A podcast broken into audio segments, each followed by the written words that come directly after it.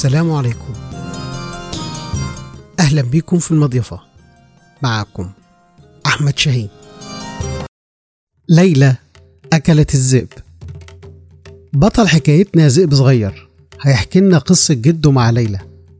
بيقول الذئب الصغير كان جدي ذئب لطيف وطيب وما كانش بيحب الصيد ولا عمره افترس ولا أكل لحمة في حياته وطول عمره بياكل الخضار والنباتات. أصله كان نباتي. وكان في الغابة بتعيش بنت شريرة مع جدتها وكان اسمها ليلى. ليلى كل يوم تخرج من بيتها تقطع في الزهور وتخرف في الغابة وتذبح الحيوانات وتاكلهم. وكان جدي الذئب الطيب بينصحها ويقول لها يا ليلى يا بنتي حرام عليكي. انت كده بتفسدي وبتخربي مش بتعمري. بس ليلى كانت شريرة وعنيدة وعمرها ما سمعت كلام جدي الطيب.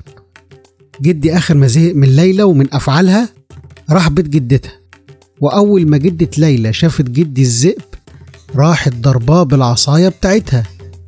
أصل جدة ليلى دي كانت شريرة زيها. حاول جدي يدافع عن نفسه ومن خوفه ورعبه من جدة ليلى وغصب عنه مسك إيديها وحاول يبعد العصاية عنه. راحت جدة ليلى وقعت على الأرض وراسها اتخبطت وماتت.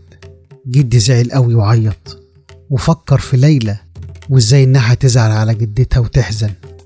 وعشان قلبه طيب وحنين راح لبس ملابس جدة ليلى ونام في سريرها عشان يعوض ليلى حنان جدتها ويرعاها.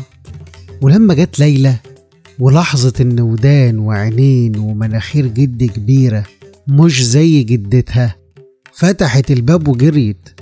ولحد دلوقتي ليلى بتشيع وتشوه سمعة جدي وبتقول عليه إنه أكل جدتها وكان عاوز ياكلها.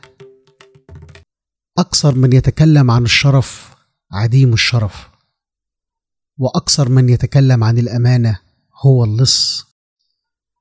وأبلغ من يتكلم عن الكرامة هو الذليل. فاقد الشيء بليغ في وصفه.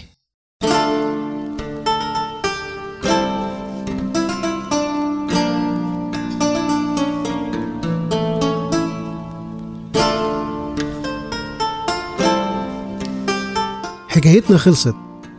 مستنيكم الحكاية اللي جاية في المضيفة.